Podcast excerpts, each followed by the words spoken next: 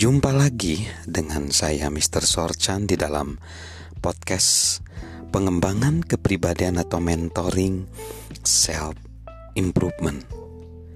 Kita belajar bagaimana menerapkan hubungan positif kepada talenta kita. Di segmen sebelumnya, saya berkata bahwa untuk menerapkan itu kita perlu mengidentifikasi orang-orang terpenting dalam hidup kita Lalu yang kedua, menilai apakah mereka mempengaruhi kita pada arah yang tepat. Apa yang ia pikirkan tentang kita? Lalu apa yang ia pikirkan tentang masa depan kita? Nah, sekarang kita belajar bagaimana ia atau mereka memperlakukan kita pada masa-masa sulit. Ada pepatah yang berbunyi, "Kawan-kawan mengenal kita di kala senang. Kita mengenal siapa kawan kita di kala duka. Artinya, ketika senang banyak kawan, tetapi ketika duka cuma sedikit kawan. Bukankah itu benar? Justru ketika masa-masa sulit dan kita terpuruk dalam kesulitan, teman yang mempengaruhi kita akan membawa kita pada arah yang tepat. Coba perhatikan teman seperti apa? Teman yang lambat mencurigai, tapi cepat mempercayai. Teman yang lambat menyalahkan, tapi cepat membenarkan.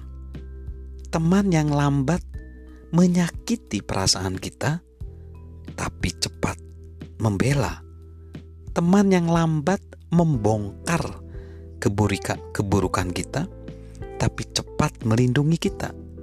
Teman yang lambat mencerca kita, tapi cepat menahan diri. Teman yang lambat meremehkan kita, tetapi cepat menghargai kita. Teman yang lambat untuk menuntut, tapi cepat untuk memberi teman yang lambat untuk memprovokasi, tetapi cepat membantu. Teman yang lambat memarahi, tetapi cepat memaafkan. So, jadi ketika kita terpuruk, teman-teman yang baik tidak akan mendepak mendepak kita saat kita terjatuh atau mengatakan, "Kan udah aku bilangin kayak gini." Mereka justru mengangkat dan membantu kita terus melangkah. Carilah teman-teman yang memperlakukan kita dengan seperti itu pada masa-masa sulit. Lalu, apa yang ia ungkapkan dari diri kita? Perdana Menteri Inggris Benjamin Disraeli mengatakan, "Kebaikan terbesar yang dapat kita lakukan bagi sesama bukanlah sekedar membagikan kekayaan Anda, melainkan mengungkap kekayaan sesama Anda. Ini sungguh hakikat suatu hubungan positif yang mempengaruhi orang untuk bangkit dan meraih potensinya. Mereka melihat hal terbaik dalam diri kita dan mendorong kita mengupayakannya seperti yang dilakukan June Carter, istri dari Johnny Cash. Penulis William Allen Ward berujar, seorang teman sejati mengetahui kelemahan Anda, tapi menunjukkan keunggulan Anda, merasakan ketakutan Anda, tapi memperkuat keyakinan Anda. Melihat kecemasan Anda, tapi menyemangati Anda.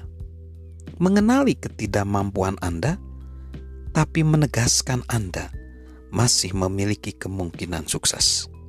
Itulah yang harus dilakukan dalam satu hubungan yang positif.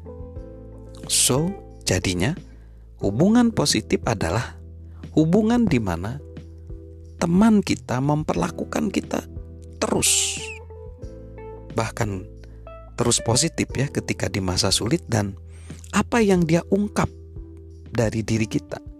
Apakah dia mengeluarkan bagian terbaik dari diri kita? Carilah hubungan yang seperti itu agar meng mengembangkan talenta kita. Salam dari saya untuk terus menemukan dan membangun hubungan yang positif. Salam dari saya, Mr. Sorjan.